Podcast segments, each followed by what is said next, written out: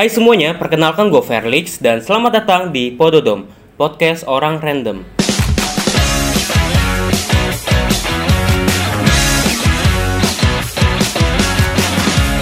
Episode pertama ini, gue akan menceritakan kisah cinta gue yang mungkin bisa dibilang miris ya. Dan pelajaran-pelajaran apa aja sih yang bisa dipetik dan bisa gue bagikan ke kalian semua. Kalau kisah cinta gue sih sebenarnya itu kayaknya naksir-naksir dari SD. Tapi kalau yang namanya pacaran, mungkin SMP. Nggak usah speechless, soalnya gue juga bingung sih. Jadi pas SD itu gue udah mulai naksir sama perempuan, tapi gue nggak berani untuk yang namanya menyampaikan atau mengutarakan. Apalagi sampai ngajakin pacaran. Karena gue nggak seberani itu dan sepengecut itu dan juga gue nggak belum konsen ke sana gitu. Masih banyak main dan sebagainya. Yang gue inget banget kejadian pas gue kelas 5 atau kelas 4 SD dan pas itu ketika lagi Valentine yang di mana waktu itu kita pada tuker-tukeran hadiah gitu sama temen. Tapi ternyata ada satu perempuan nih di kelas gue yang emang ternyata tuh udah sering merhatiin gue katanya. Jadi saat hari Valentine itu dan ketika kita pulang dia nyamperin gue dan ngasih gue coklat. Dan di situ ada tulisan gitu kayak Happy Valentine's Fairly gitu. Dan setelah itu gue terima tuh orang langsung pergi gitu. Keadaannya tuh perempuan emang lebih tinggi dari gue dan dulu kan gue kuntet banget tuh pas SD cebol. Tapi ya gue seseneng itu sih. Even gue juga bingung gue harus ngapain dapat coklat dari perempuan gitu. Singkat cerita ketika gue SMP nyokap gue punya toko gitulah di sebuah mall. Dan ketika kita lagi jualan gitu ada beberapa bocil-bocil SMP yang datang ke toko gua gitu. Dan dia mungkin lihat gue kayak naksir segala macem dan gua juga merasakan hal yang sama gitu. Tapi gue lupa nih gue bisa dapat nomornya dari mana. Jadi ketika SMP itu kan gue toko HP ya. HP gue banyak ya HP pinjaman sih. Nah kita tukeran nomor gitu jadi sering SMS-an segala macem. Sehingga cerita akhirnya kita jalan dan jalannya pun itu kita nggak nggak yang berduaan banget kayak orang pacaran gitu loh. Jadi dia ngajak teman-temannya berempat. Gua ngajak kakak gua jadi berdua. Jadi total berenam tuh. Dan itu gue inget banget kita pacaran jauh-jauhan kayak malu-malu gitu. Nggak ngobrol sama sekali nggak dempet-dempet sama sekali. Sepolos itu gua dan waktu itu inget banget gua ketika gue SMP itu kita ngedate dan kita nonton bioskop film pocong. Dan bangku kita pun nggak sebelah sebelahan aneh banget sih sumpah. Udah freak. Singkat cerita akhirnya tiba-tiba lost contact segala macem. Gue belum sempat ngebucin sama sekali tuh. Masih kayak biasa-biasa aja gitu. Berjalannya waktu gue kenal sama satu cewek dua cewek tiga cewek banyak banget pokoknya. Mulai tuh ada bucin-bucin kayak gue suka sama dia. Eh akhirnya ternyata teman gue sukanya sama dia suka juga sama dia dan dia sukanya sama teman gue akhirnya ditikung.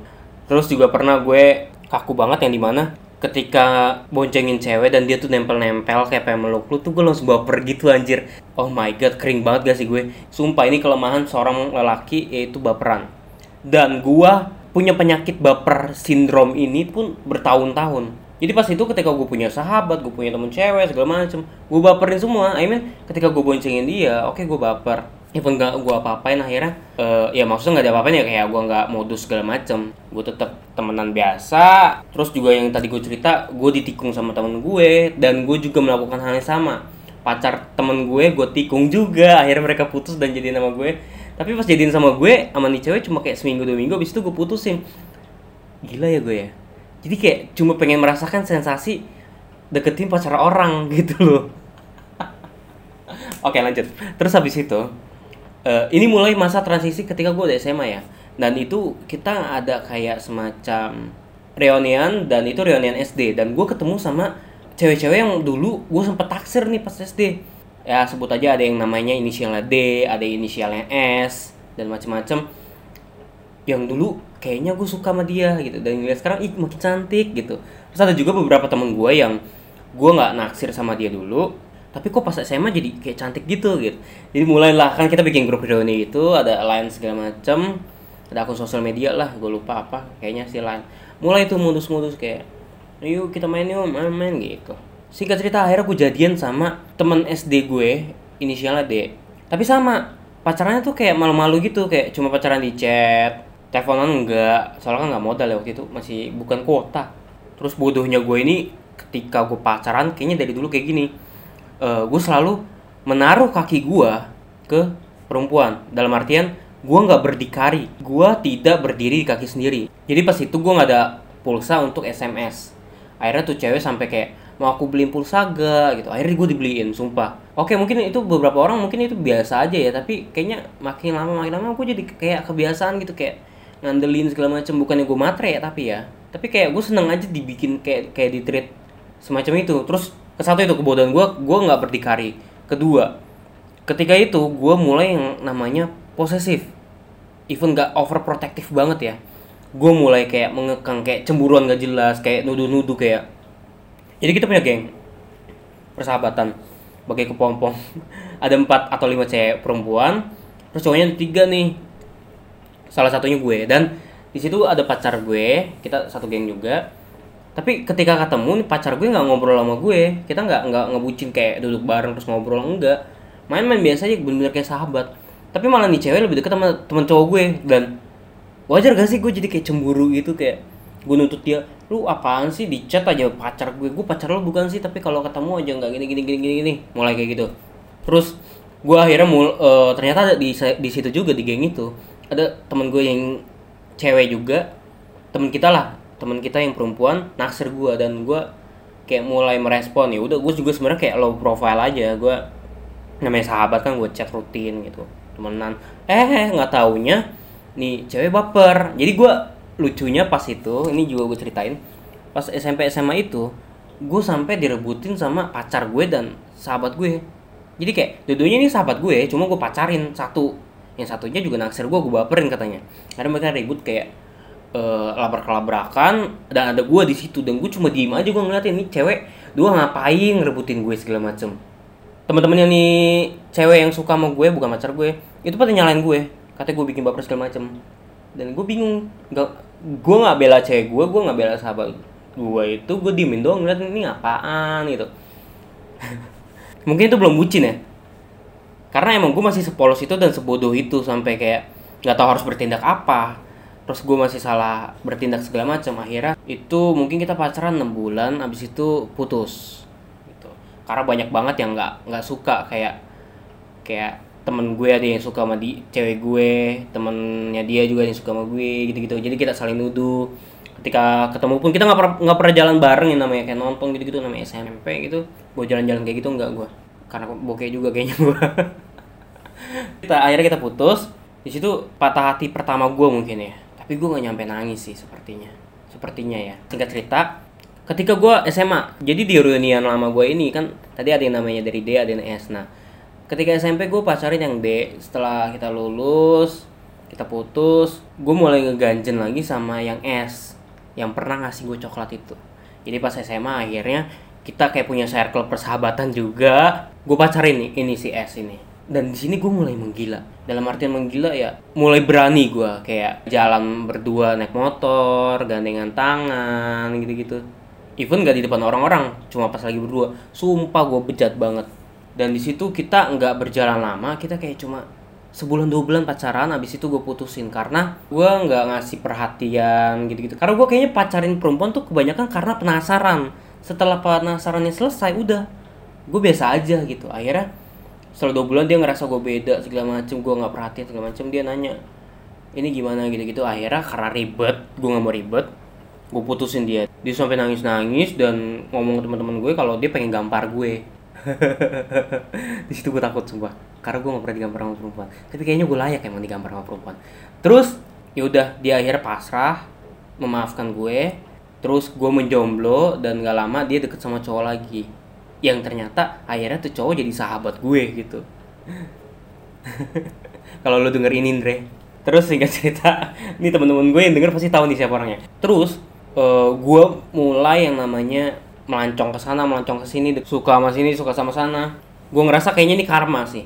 Ketika gue ngecewain banyak perempuan nyakitin segala macam akhirnya timbul nih sebuah karma.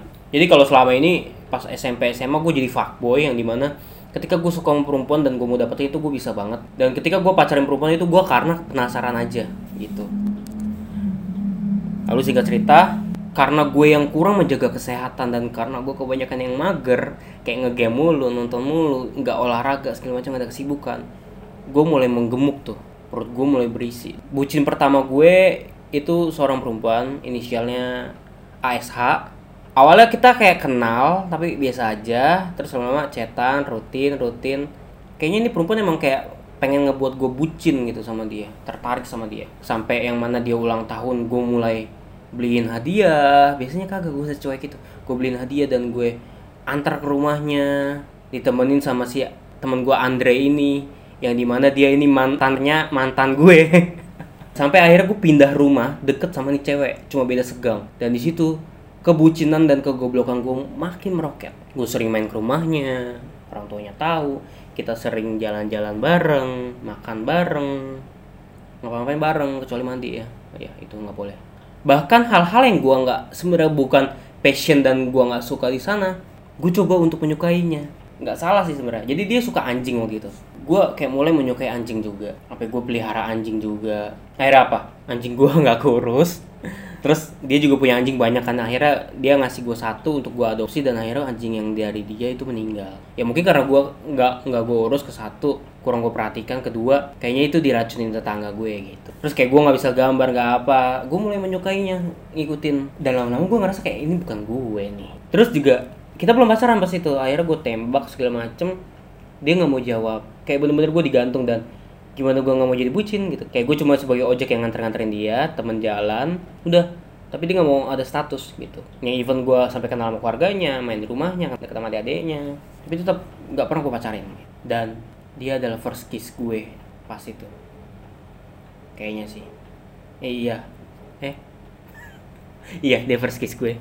Dan first kiss itu atas kebejatan gue sih. Oke skip. Kapan-kapan gue akan ceritain itu setelah lepas dari dia yang di mana akhirnya kita padahal nggak pacaran tapi kayak orang putus. Dia ngeghosting gue kayak pengen hilang dari hidup gue. Dia pengen ngeblokin gue segala macem karena kebejatan gue sepertinya sih ya. Akhirnya dia pura-pura jadian sama cowok lain. Ya ngebaperin cowok lain lah supaya gue cemburu sakit hati dan gue pergi gitu. Terus kebegoan gue lagi berikutnya. Kalau sebelum sebelumnya gue kan kayak nggak tahu diri gue nggak berdikari gue posesif ini nambah lagi kebodohan gue yaitu gue terlalu apa ya narsistik. Jadi gue suka banget mamerin dia foto dia di sosial media Facebook gitu gue bahkan juga sempet selama tahun-tahun itu ya 2012 2013 pacaran online. Pernah gak lo pacaran online? Ya jadi gue kenal sama perempuan dari online terus gue pacarin jadi cuma chatan telepon pun jarang. Cuma chatan doang lu macarin cewek yang nggak pernah lu ketemu fisiknya kayak apa? Cuma dari foto. Pas gue di Facebook ada perempuan yang suka sama gue tapi gue nggak suka sama dia. Akhirnya nih gila sih cewek ini. Dia sampai bikin akun sebagai orang Beijing. I mean ya rada-rada Chinese Chinese Chinese Korea gitulah. Dan dia ngedeketin gue gitu pakai akun itu. Terus gue baper cuy. Eh karena cantik kan siapa sih yang nggak mau gitu kan? Pacaran sama cewek cantik tapi kita cuma kayak chatan teleponan nggak pernah video call. Karena kayaknya waktu itu belum ada fitur video call deh jadi kayak masih teleponan sama chatan doang. Terus suaranya imut gitu kan gue jadi bucin. Terus akhirnya dia kayak ngerasa dua bulan tiga bulan dia ngerasa berdosa dan dia pengen pergi dari kehidupan gue. Dengan cara dia pura-pura punya penyakit leukemia. Sumpah itu gue stres banget.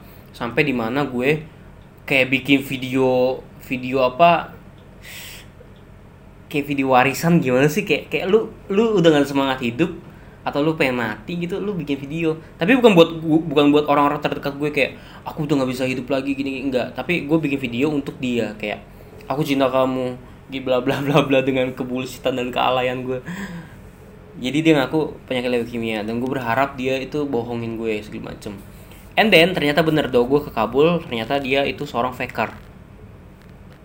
Dia seorang faker cewek yang selama ini suka sama gue tapi gue nggak waroin akhirnya dia bikin akun yang cantik itu buat pacaran sama gue. Hmm. tapi gue bersyukur. Gue mencintai se sebuah karakter ya gue mencintai sebuah karakter tapi ini orang akhirnya ngaku gitu. Dan gue bersyukur karakter yang gue suka ini nggak bener-bener punya penyakit leukemia dan akan meninggal gitu. Jadi setelah pengalaman real life gue yang ambiar kayak di PHP yang cewek sana sini terus gue ke online juga ambiar kena tipu faker.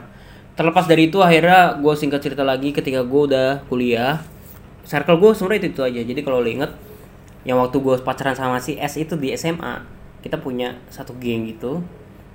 Tapi setelah udah dua tahun tiga tahun kita nggak pernah ada kabar yang gimana gimana nggak pernah main segala macam. Akhirnya pas gue kuliah gue deket sama sahabat gue inisialnya A sahabat pas SMA satu circle sama mantan gue yang S. Gila gak lo gue. Akhirnya kita baper. Nah di sini mulailah. Gue merasakan kayak cinta pertama bukan cinta pertama kayak pacaran pertama gue yang bener-bener kayak pacaran gitu loh. Nggak main-main. Dan gue bener-bener nggak main-main. Gue gue gue serius. Kayak gue jalan-jalan sama dia gue nonton sama dia gue liburan sama dia liburan tapi ke Dufan ya. Dan dia merupakan perempuan pertama yang gue ajak ke rumah gue dalam artian gue kenalin ke orang tua gue maksudnya dan ke keluarga gue. Kita pacaran itu lumayan lama setahun setengah kayaknya. Keluarga gue pun tahu dia pacar gue gitu tapi keluarga dia nggak tahu siapa gue. Jadi dia nutupin hubungan kita. Dan dia nggak mau dijemput kalau pacaran even di depan gang pun. Jadi kebanyakan dia yang nyamperin gue dia yang jemput gue gitu. Dan di sini mulai tercipta lagi.